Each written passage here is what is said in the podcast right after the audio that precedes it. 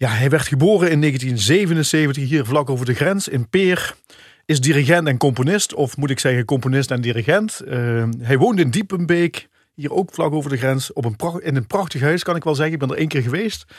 En uh, ja, wat doet hij niet allemaal? Hij is super druk, uh, wint diverse prijzen bij compositiewedstrijden. Studeerde piano, trompet, halfaba-directie, orkestdirectie en compositie. En het allerbelangrijkste om te noemen, ik vind hem gewoon een toffe peer. Welkom uh, Kevin u wel voor de mooie introductie, Rob. En heel fijn om hier te zijn. Ja, ja op zondagavond. Uh, een van jouw uh, waarschijnlijk heel um, kleine momentjes dat je vrij hebt. Want je bent druk tegenwoordig, toch? Ja, maar uh, ik probeer het uh, allemaal goed te organiseren en ik heb niet het gevoel dat het druk is. Het is wel van ochtends tot laat uh, altijd vol, ook met de kinderen. We hebben twee kinderen. En ik vind ook belangrijk dat ik daarbij ben. Bijvoorbeeld deze week hadden ze ook pedagogische studiedag. Heb ik ook een hele dag geblokt in mijn agenda.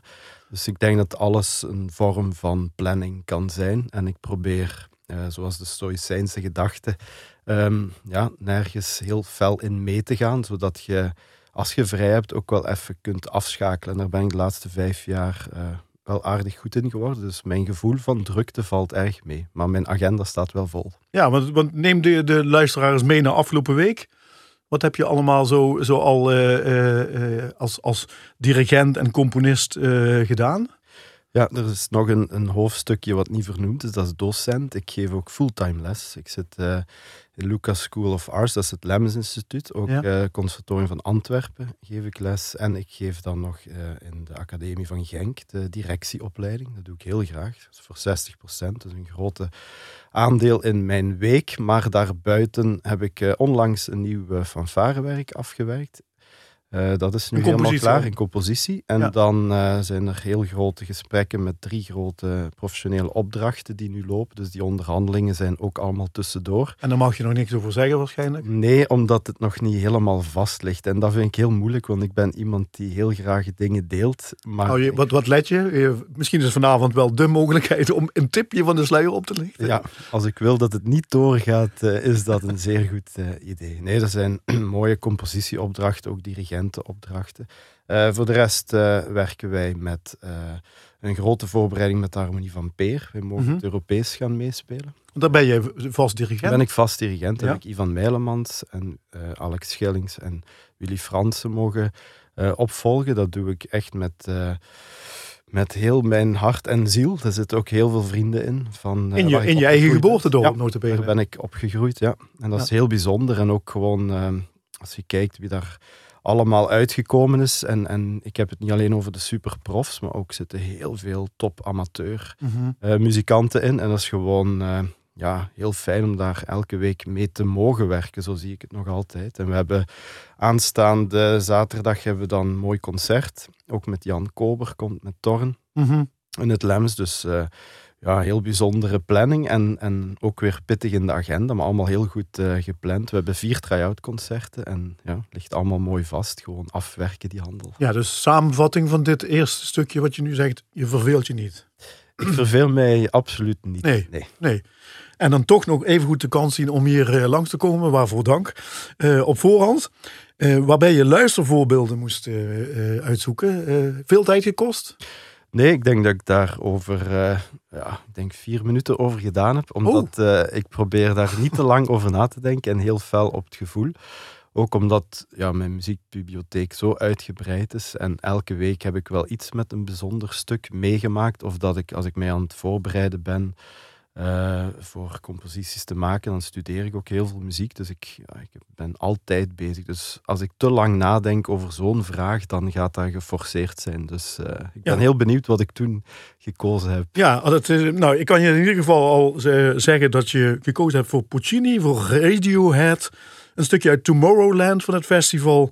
Eigen werk heb je natuurlijk ook gekozen. En we beginnen met een stuk uh, van Johannes Brahms.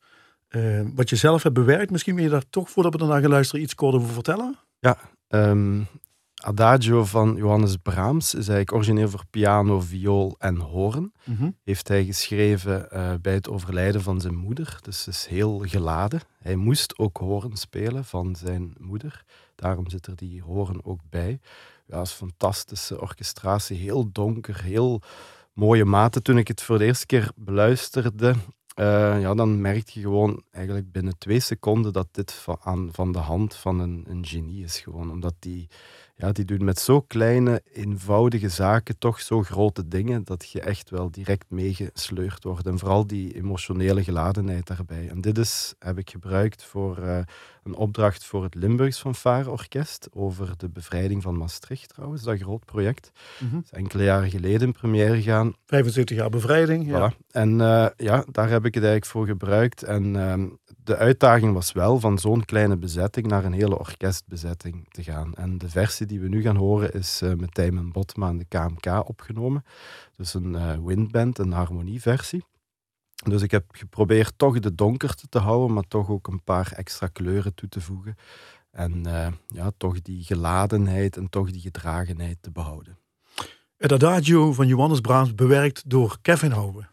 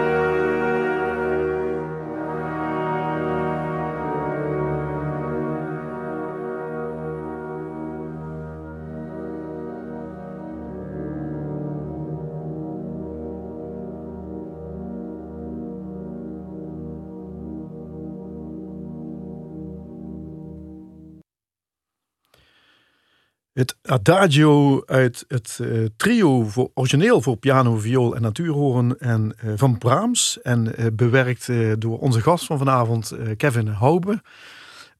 componist en dirigent. En we hoorden trouwens de Johan Frieselkapel onder leiding van Tijmen Botma. ja, je hebt dit stuk bewerkt, maar je schrijft ook, je bent componist. hoe, hoe word je componist? Ehm, ik denk niet dat je dat echt kan worden. Je bent of je bent dat niet. Je kan dat wel ontwikkelen. Maar ik weet dat ik, toen ik het nog niet wist, dat ik graag muziek schreef. Componist noemen vind ik nog altijd moeilijk. Ik vind uh, Brahms en, en uh, Rachmanin of Bartok, Stravinsky, dat noem ik componisten. En ik schrijf muziek en ik hoop op mijn tachtigste zo ergens in de buurt van die. Maar wat is het verschil dan? Uh, zeg je daarmee dat je je eigen muziek uh, minder uh, kwalificeert? Of, of, of? Nee, zover wil ik niet gaan. Maar, ja, dat mag ik hopen. Je, wil, je wilt u meten met de allergrootste, maar je moet ook heel bescheiden blijven dat je daar toch nog heel ver vanaf staat. Maar je wordt componist door de, de allergrootste te analyseren. Dat is soms ook heel beklemmend, omdat je dan ook ziet van, ja, wat doen die met zo weinig materiaal, zo geniale ideeën. Maar ja, maar hoe ontstaat zoiets? Want natuurlijk, het is geen makkelijke vraag en niet zo de, uh, te beantwoorden dat je zegt van, ja, op die dag begon ik.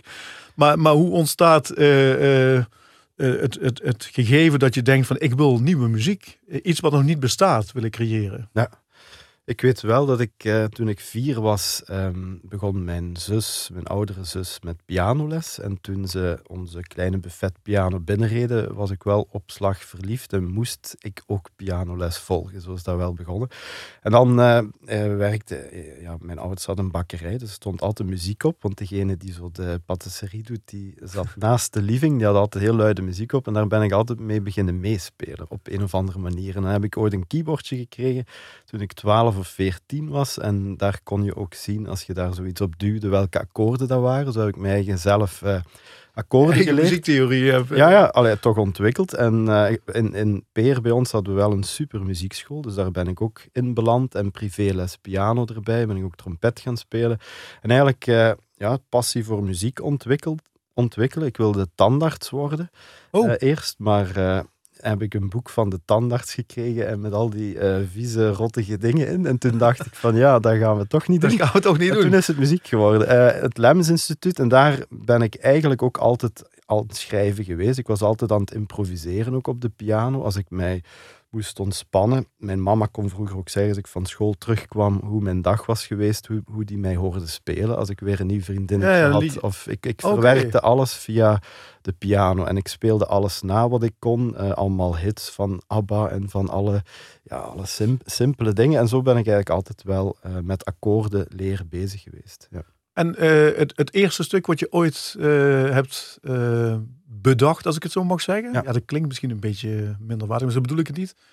Um, hoe, hoe, hoe, is dat eerste stuk uh, ontstaan? Uh, weet je nog, ik neem aan dat je weet wel welk stuk je als eerste ja. op jouw lijst hebt staan. Het eerste wat ook uitgegeven is, uh, heb ik in het Lems Instituut geschreven, omdat onze trompetleraar Leon Petré, echt een heel grote mentor ook van mij, die uh, was eigenlijk altijd zo wat verveeld dat wij met de Open Deurdag uh, heel weinig initiatief namen. En ik zat in mijn voorlaatste jaar of laatste jaar trompet, ik weet het niet meer. En toen heb ik uh, een stuk voor zes trompetten geschreven, ook zelf uitgevoerd, gedirigeerd dan, maar met zes kameraden. We hadden ook reclame gemaakt, heel de zaal zat vol in het Lems, dat was een groot succes ook. Hoe heet het stuk? Um, Three Statements heette dat. Ja, is ook uitgegeven door een Zwitserse uitgeverij die gespecialiseerd is in trompetmuziek, BIM. En uh, Jan van der Roos zat in de zaal toen. En ik zat daar toen ook al mee in het harmonieorkest. En uh, die kwam naar mij toe en die zei, ja, waar zijt jij stiekem compositie aan het volgen? Uh, toen zei ik, ja Jan, met alle respect, maar ik heb nog nooit één les gehad. Maar ik heb wel heel mijn leven op de piano zitten experimenteren en al analyseren. En toen zei hij, oké, volgend jaar schrijft je in. En die heeft eigenlijk een HAFA cursus directie, uh, directiecompositie Compositie, ja. uh, bedacht. En zo ben ik beginnen componeren. Dus eigenlijk had ik dat stuk niet geschreven voor mijn leraar, had Jan van der Roos mij ook niet gehoord, of weet ik wel. En zo is dat wel mm. begonnen. En toen heb ik ook pas beseft dat dat voor mij zo gemakkelijk ging.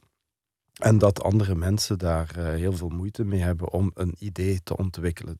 Ja. Dus als iets zo natuurlijk is, is dat soms ook moeilijk te snappen bij iemand anders dat dat, er niet in zit. Dus dat ging voor mij heel erg gemakkelijk. En zo heb ik eigenlijk ook de drive gevonden, de energie ook. En dat interesseerde mij enorm. En dan ben ik echt heel hard beginnen studeren.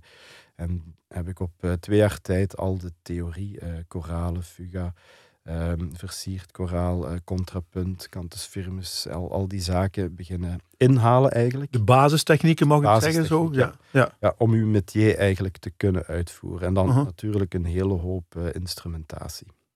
Ja, we gaan zo meteen naar een, een, een, een werk luisteren wat je volgens mij in 2021 hebt geschreven, niet zo lang geleden. Um, is dat, het is een stuk trouwens voor alt-saxofoon en symfonieorkest. Uh, Legend of a Giant heb je het genoemd. misschien voordat we het hebben over de titel, eerst heel kort. Hoe, lang, hoe lang doe je dan over zo'n stuk? als je zegt van nou, dat gaat me gemakkelijk af.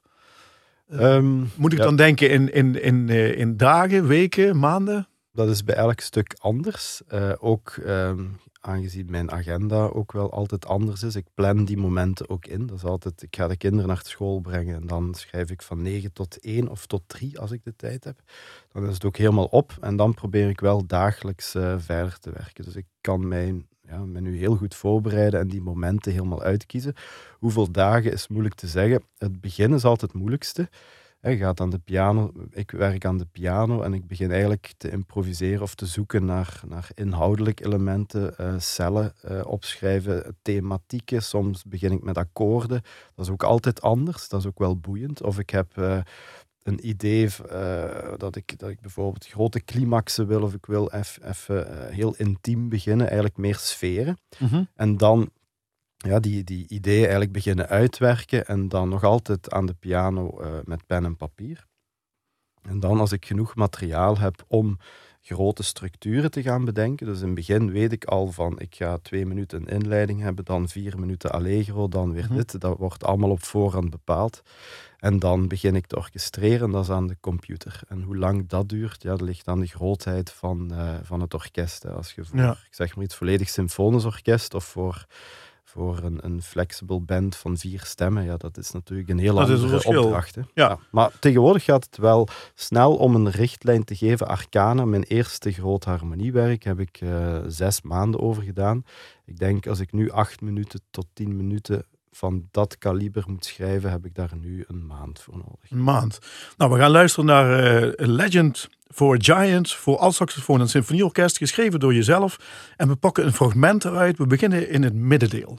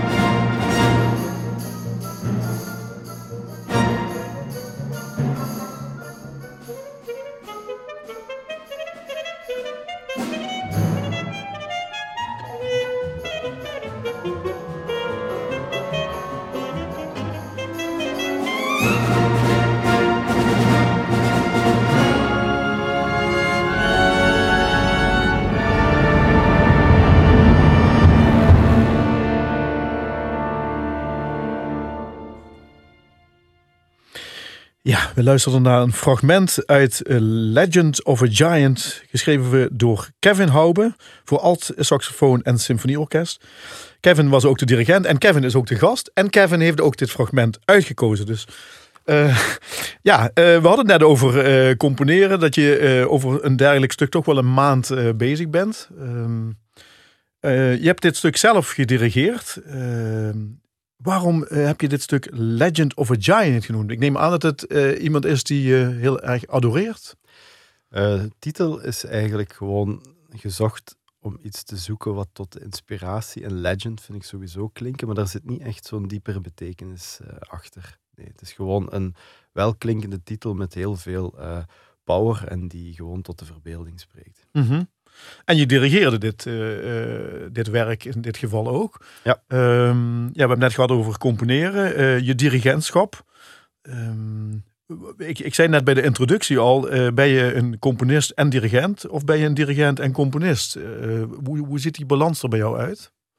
ik denk dat ik meer componist ben dan dirigent. Um, aangezien ik ook geen vast professioneel ensemble dirigeer. Ik doe wel heel veel gastdirecties, ook mag ik filmmuziek uh, opnemen soms in uh, Galaxy Studios Mol. Mm -hmm. Er zijn toch een paar Netflix-films al bij. Ook met beroepsorkesten werk ik, ook voor uh, andere opdrachten. Dus dat zit er zeker bij. Maar ik denk, ehm, ja, mijn, mijn grote adoratie zit ook bij Bernstein Mahler, die ook beide dirigent en componist waren. En mm -hmm. het grote voordeel daarbij is, is als je van de twee eigenlijk enorm veel leert. Dus als je schrijft en je kijkt echt naar de diepte in de partituur. Dat is een grote meerwaarde als je dan naar niet-muziek van jezelf ook zo op die manier gaat kijken. Dat snap je gewoon sneller. Je hebt duidelijker de harmonische structuur uh, door, omdat uh, ik heb daar al, al veel over uh, gepraat met, met, met specialisten. De, de muziek en de power en de bezieling komt niet van de melodie of van de baslijn, maar van eigenlijk de harmonie. De harmonie zijn de kleuren. En die bepaalt de richting van de muziek. Okay. Iedereen denkt altijd dat de melodie dat is, maar de melodie draagt, wordt gedragen door heel dat machine. En dat is de versterking. En als componist kun je daar gewoon makkelijker naar kijken. Dus als dirigent krijg je de muziek beter aan het klinken. Maar moet je dan ook, ik ga nog een, een, een stap verder, moet je dan als dirigent ook, uh, heeft het een voordeel dat je ook zelf instrumentalist bent? Dat je in dit geval, jij, jij hebt trompet gestudeerd. Uh, is dat een voor- of een nadeel als je dirigeert? Um, ik denk, ja, ik kan moeilijk spreken voor andere mensen, maar... Uh, ja, voor jou zelf. Door, door mijzelf, als ik uh, door dat trompetspelen in het begin heb ik natuurlijk heel veel in orkesten als freelancer en ik heb ook audities meegedaan. Ik heb uh, heel, van, van kleine, kleins af aan altijd in, in orkesten gespeeld. Dus dan zie je natuurlijk op heel veel vlakken wat er werkt met een orkest. En wat niet. ja, en wat niet. En vooral eigenlijk de basis is, je moet een orkest hun tijd niet voor, voordoen. Eigenlijk die moeten gewoon aan het werk en zo min mogelijk onderbreken. Proberen met je gestiek zo snel mogelijk te laten zien hoe je het wilt klinken. Dat je het niet moet uitleggen. Moet er toch uitleg komen, moet dat heel kort en bondig. Je kunt dat echt in, in twee zinnen leren zeggen of met drie woorden in plaats van zo'n heel metafoor waar je dan ja, wel tien minuten naar luistert en denkt van amai, die dirigent die is nogal uh, verbaal sterk. Ik ben helemaal mee met het verhaal. Je neemt je trompet terug, maar je weet eigenlijk niet, niet wat je nu anders moet doen. Je weet niet hoe je het moet omzetten. Voilà. En ik denk, die, dat mag er ook zeker zijn. En dat is, dat is fantastisch, uh, mensen die dat kunnen. Maar ik, ik train mezelf echt op heel kort en bondig uh, uh, feedback geven aan het orkest, waardoor iedereen weet wat er gevraagd wordt of wat er anders moet. En om dan weer heel snel uh, iedereen aan het werk te zetten en dat mensen gewoon aan het spelen zijn. Ja, we gaan zo meteen luisteren naar een, een, een stuk uh, wat, wat ik in ieder geval een verrassende keuze vind. vanuit componeren, dirigeren, kom je dan uit bij een stuk van een gedeelte uit La Bohème van Puccini. Uh, heeft het te maken met stuk of met de dirigent? In dit geval uh, de grote Van Karajan, die de Berliner uh, in dit voorbeeld in 1973 heeft gedirigeerd. Ja, eigenlijk een combinatie van alles. Ook 73. ik ben in 77 geboren. Die muziek ah. spreekt ja, on, onwaarschijnlijk tot de verbeelding. Ik vind de kracht van die melodieën hier en met een heel simpele harmonisatie. Uh, peper en zout van Puccini uh, doet hij net niet uh, te veel, dat, dat de stemmen eigenlijk helemaal boven blijven. Maar ja, die, die, die passie en die zinsbouw en, en de, de kwaliteit van die melodieën, ja, die spreken mij enorm aan. En, en gezongen muziek vind ik nog altijd ja, in mijn symfonie bijvoorbeeld heb ik ook gekozen om een sopraan eraan toe te voegen. Um, met koren werken, ja, de, stem gaat nog dieper naar de ziel dan een instrument. Of de stem ligt het diepste bij de ziel, zeggen ze al bij de Grieken. Dus ik denk dat daar wel heel veel van waar is. En ook, uh, je ziet die mensen ook werken. Hè? Als je iemand ziet zingen of hoort, ja, ik heb het over ziet zingen echt. Mm ja, daar, daar gebeurt iets. Hè? En als je daar live bij bent, dan voelt je die drive. Ik heb altijd geluk gehad om met, met hele goede stemmen op podium te staan. Mhm. Ook met heel veel heel goede solisten. En daar gebeurt energetisch iets. Die, die pakken u mee. Die, die hebben zo'n hoge focus dat je niet anders kunt dan zo meegezogen worden in dat verhaal. En Puccini, ja, qua melodie is dat fenomenaal. En ehm, we zijn ook uh, zijn geboortehuis gaan bezoeken in Lucca. Zijn daar ook mhm. een opera gaan bijwonen. Uh, hij was ook een van de uh, ja, we hebben altijd zo donkere ideeën over composities en zo. Maar in dit geval was super bekend, was super populair. Had zijn eigen auto's al in die tijd, zijn eigen boot en zo verder. Dus die, ja. ja, dat spreekt me wel aan. Een componist die succes had en van die melodielijnen kan schrijven. Nou, een fragment uit La Bohème, uit de eerste acte, het laatste lied.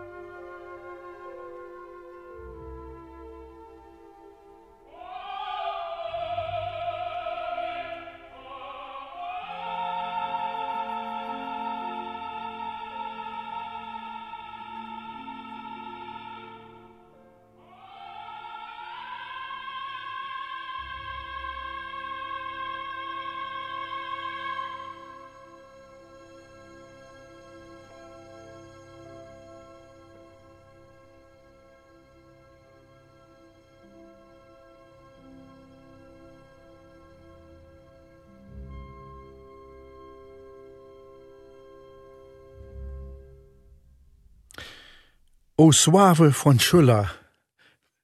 Als ik het zo mooi uitspreek. O lief meisje. Uh, het einde van de eerste acte van La Bohème van Puccini. Uitgekozen door onze gast van vandaag, Kevin Hoube.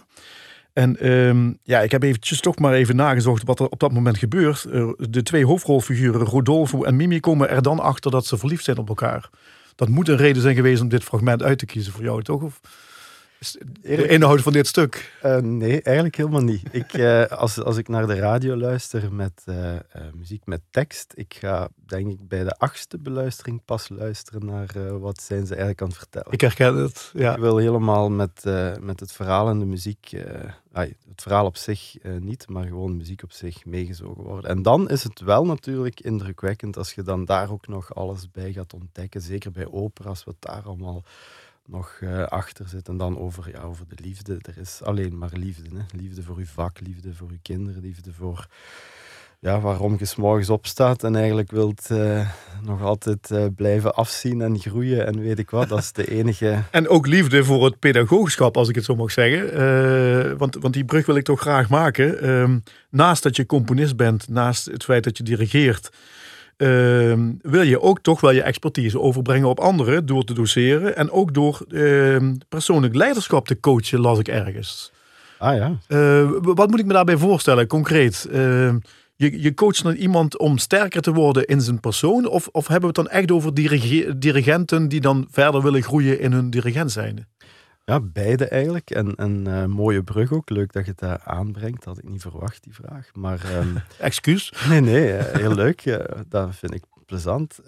in ieder geval um, wil ik daar eerst al bij zeggen dat ik helemaal niet wil doen alsof ik het allemaal weet. Maar ik wil eigenlijk gewoon door die uh, coachings ook te, ook te, doen en ook les te geven, geef ik eigenlijk aan dat ik ook nog altijd zoekende ben. Ik denk dat ik, uh, ik, ik hoop op mijn tachtigste te pieken en dat ik dan bijna alles weet. Dan heb je nog even. Ik heb nog even en dat heb ik nog nodig. Dus dat wil ik al eerst zeggen. En uh, ik ben ook met die coachings begonnen met Katlijn Dane. Um, gewoon om daar zelf in te groeien en om zelf te ontdekken van ja, op welke vlakken kan ik nog veel beter doen. En ik heb heel veel workshops zelf uh, gevolgd vroeger. Daar heb ik eigenlijk een samenvatting altijd van gemaakt. Mm -hmm. Echt met heel grote namen. Tijmen Botma, Jan Kober, uh, Heinz Friese, uh, Ivan Meilemans, ja, noem maar op. Ik, ik, heb ze eens opgeteld, waren er 15. Mm Een excuus voor degene die ik nu niet vernoemd heb, maar nee, in ieder geval, uh, uh, dat is gewoon... Volgen als je 80 bent dan? Ja, ja, voilà, ja dat kan ik dan nog zeggen.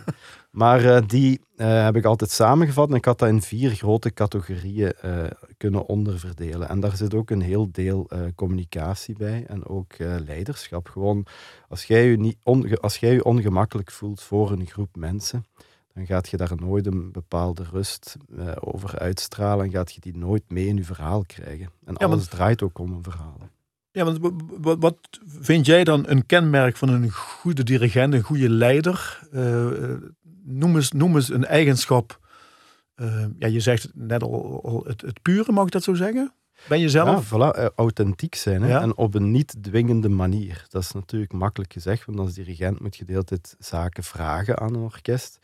Maar eigenlijk op zo'n manier dat dat toch dat, dat wijgevoel blijft. Dat vind ik heel belangrijk. En met onze coachings werken we daar ook aan. En wij proberen uh, ja, die, die, die basisbeginselen en ook daarmee in, in uh, verdieping te gaan. Maar eigenlijk van vertrekken vanuit uh, de zaken die er al zijn bij een dirigent. Dus de, de goede kant, want die mensen die daaraan meedoen hebben uh, ongetwijfeld uh, ook al heel veel ervaring. En mm -hmm. die hebben super, super veel goede kwaliteiten. Maar er zijn altijd nog kleine uh, insteken of, of manieren, ik zeg maar iets, hoe je feedback geeft aan een orkest. Je zegt eerst tegen wie je het hebt en dan pas waar en dan waarover. Bijvoorbeeld zo in heel, heel, heel simpele volgorde. Of daar zitten ook diepere lagen in dat jij echt naar op zoek gaat van waarom triggert een bepaalde reactie van iemand mij zo vaak. Dat is altijd, dat ligt altijd bij jezelf en niet door die ene persoon, maar wel op zoek gaan naar waarom uh, kan ik daar niet tegen. Als iemand in één keer zegt, ja, chef, uh, dit is niet duidelijk, ja, dat doet je niet goed, of die vorige deed dat veel beter.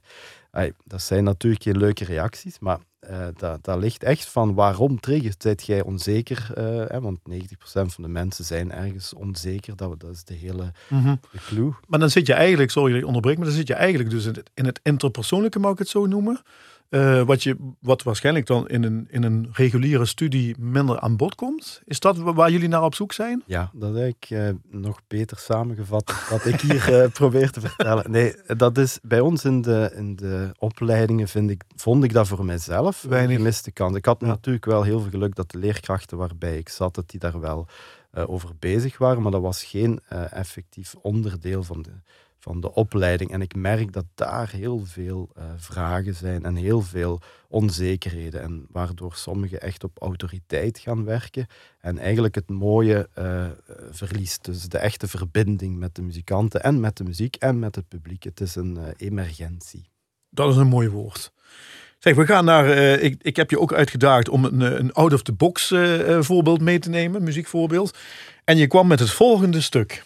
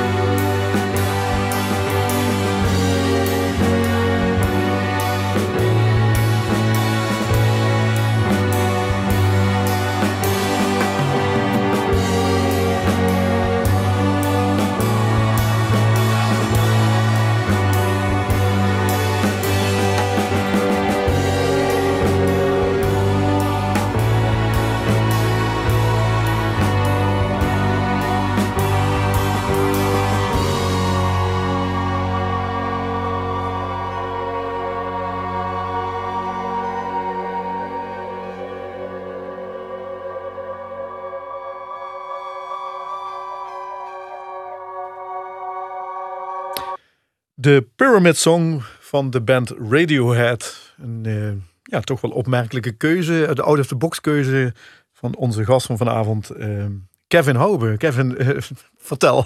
Radiohead. Ja, um, ik vind dit ook als compositie en als rustpunt gewoon subliem.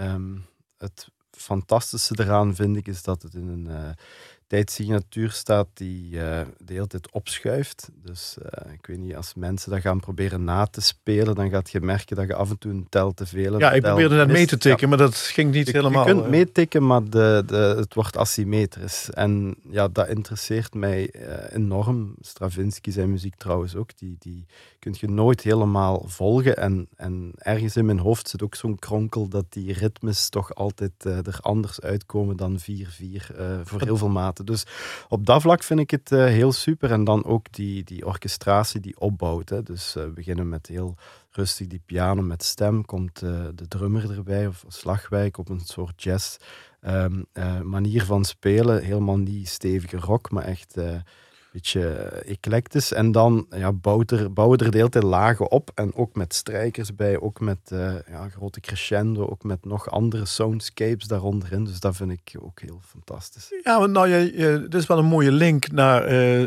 waar, we daar, waar we daar als laatste fragment naar gaan luisteren. Uh, mag ik zeggen dat jij fusion elementen zoekt, dat je bepaalde stijlen met elkaar wil verbinden, ook in je eigen muziek? Zeg ik dat? Eh, of, of ja, doe ik dat? Doe... Goed, nee, dat klinkt heel goed. Dat is denk ik, zonder dat ik daar bewust naar op zoek ben gegaan, is dat wel zo ontstaan. En ik geloof ook in de combinatie van uh, heel veel bestaande genres, dat we in zo'n uh, periode aangekomen zijn, dat we eigenlijk alles wat er is kunnen gaan verbinden met elkaar. Maar betekent het eigenlijk dat je uh, ook toch weer als componist, waar we het straks over hebben gehad, dat je niet op zoek gaat naar per se iets nieuws, maar dat je elementen uit andere stukken van voorgangers, uh, er is al zoveel eigenlijk, dat je dat probeert te verbinden. Ja, klopt. Ik ben ook niet de componist die een helemaal nieuw klankidioom wilt ontwikkelen, zoals Stockhausen of, of weet ik veel, uh, in hedendaagse muziek. Ik wil ook uh, de link met het publiek ook behouden. Dus geen mm -hmm. wetenschappelijke, enkel wetenschappelijke of wiskundige patronen met vectorsubstitutie of Schenkeriaanse analyse of dergelijke. Maar ik wil gewoon ook herkenbare dingen en, en herkenbare zaken die komen altijd van van vroeger. En, en als je de grote hits, en dan wil ik ook over klassieke muziek, maar ook uh, vooral uh, popmuziek en, en uh, andere soorten genres, die grote iconische werken, die hebben allemaal iets gemeenschappelijks. En dat is dat daar een bepaalde rust en energie tegelijk in zit en die gewoon boeit over ja, heel, heel de, de muziekgeschiedenis. Uh, kijk naar, naar werken ook van, van Elvis Presley, die heeft dat ook met zijn stem kleur, maar die, die songs of Sinatra of noem maar op, of de Beatles of, of Phil Collins, of, uh, daar zit gewoon iets overstijgend in en daar ben ik altijd naar op zoek. En ik geloof erin dat wij nu aangekomen zijn dat we ook in de klassieke muziek daar terug uh, meer voeling mee moeten gaan krijgen. En dat het publiek ook echt op beleving wil deelnemen. Dus een totaalbeleving. Ja, ja, Dus niet meer gewoon de concertzaal in en uw concert uh, doorleven, maar echt daar moet iets extra bij, zonder dat het show-elementen moeten worden of een circus-act, maar gewoon dat die, die beleving van, van de muziek, dat dat echt uh, ja, eigenlijk daar nog bovenin gaat en dat mhm. je alles wat er is probeert te combineren of gaat zoeken naar combinaties die uh, gewoon werken. Of kijk ook naar filmmuziek. Hè. Dat is juist hetzelfde. Daar zitten ook heel veel elementen in. Ik, ik, ben bezig met die zaken te analyseren en ik probeer die zo goed mogelijk uh, te gebruiken. Op een andere manier. Maar dan kom je dus bij dat stuk waar we zo meteen naar gaan luisteren, althans een fragment, een Symphony of Unity. Uh, gespeeld ehm, op het dancefestival Tomorrowland. Ben je er zelf ooit geweest? Ja, al elke editie sinds 2015. Oh, dus je bent een fervent bezoeker. Ga je dit jaar ook weer? Uh, waarschijnlijk wel, ja. ja. Of daar mag je nog niks over zeggen? uh, ja, sinds 2015 uh, eh, heb ik de orchestraties mogen maken voor ja. het symfonische luik. Dus een show van een uur. Pieter Lembrechts kwam toen samen met het Nationaal Orkest en Fabio Sinacori, Sinacori aan om daar eigenlijk... Hans Zimmer heeft een hymne voor Tomorrowland ja. geschreven. Zij hebben gewoon gezegd, kijk, dit moeten we kunnen live brengen op het uh, event zelf, op het festival zelf. Ja, en op dat, op dat festival, zorg je het weer onderbreken, maar uh, hoor je dus eigenlijk zo meteen een Symphony of Unity, waarbij een, een klassiek symfonieorkest gecombineerd met slaginstrumenten, met DJ's, met een koor in een totaalbezetting. Datgene eigenlijk doet wat je net beschrijft. Uh, uh, stijlen samenbrengen, in een nieuw jasje gieten. Mag ik dat zo samenvatten? Ja, klopt. En zij zijn daar heel sterk in. Ook natuurlijk die beleving. Het is nu pas verkozen als het beste festival ter wereld. Ja, um, was het. En, en ook ja, die passie en die energie wat die mensen in hun show steken om dat een zo groot mogelijke speciale beleving te krijgen, is gewoon fantastisch. Ja. Ja, we zijn al door de tijd heen, Kevin. Dus we gaan zo meteen samen naar Tomorrowland. Uh, mag ik jou hartelijk danken voor, uh, voor je komst. Uh, dank ook aan Annette Tilly voor de regie en techniek. En uh, we gaan er zo meteen uit met Symphony of Unity, zoals gezegd. En na dit uur gaan we luisteren naar een aantal orkesten die hebben opgetreden op, tijdens het Open Podium op zondag 6 november in de Maaspoort in Venlo. Tijdens het eerste Klankkleurfestival. Festival.